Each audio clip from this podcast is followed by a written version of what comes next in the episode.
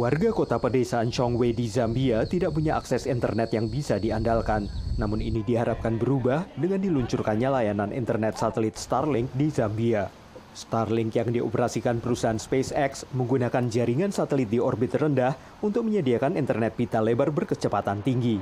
Marius Van Vuren adalah country manager Paratus, perusahaan reseller resmi layanan Starlink di Zambia. That will enable rural remote schools that, that do not have access to electronic content, um, electronic educational equipment, to access content very cheaply. And, and it, will, it will definitely breach the gap in the digital divide. Menurut laporan media belum lama ini, biaya perangkat keras awal Starlink untuk internet adalah sekitar 500 dolar atau sekitar 7,5 juta rupiah. Sementara biaya bulanan dipatok pada 37 dolar atau sekitar 570 ribu rupiah untuk paket paling murah. Padahal sebagian besar pekerja di perkotaan dan pedesaan Zambia berpenghasilan antara 50 hingga 100 dolar atau 750 ribu hingga 1,5 juta rupiah per bulan menurut upah minimum baru pemerintah.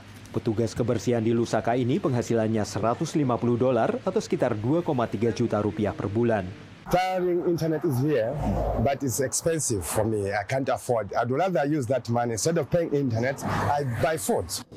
Namun menurut Sandi Cimpala yang mengelola blog berita teknologi, layanan Starlink akan sangat membantu sejumlah perusahaan. In Zambia, I think the opportunities lie in areas like telemedicine, in e-learning, um, e-commerce, also startups and entrepreneurs who need to connect, obviously, for their businesses now going online.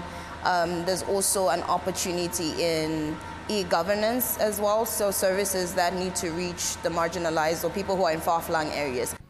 Kasali Musenge bekerja di Smart Zambia, lembaga pemerintah di bidang infrastruktur informasi, komunikasi, dan teknologi.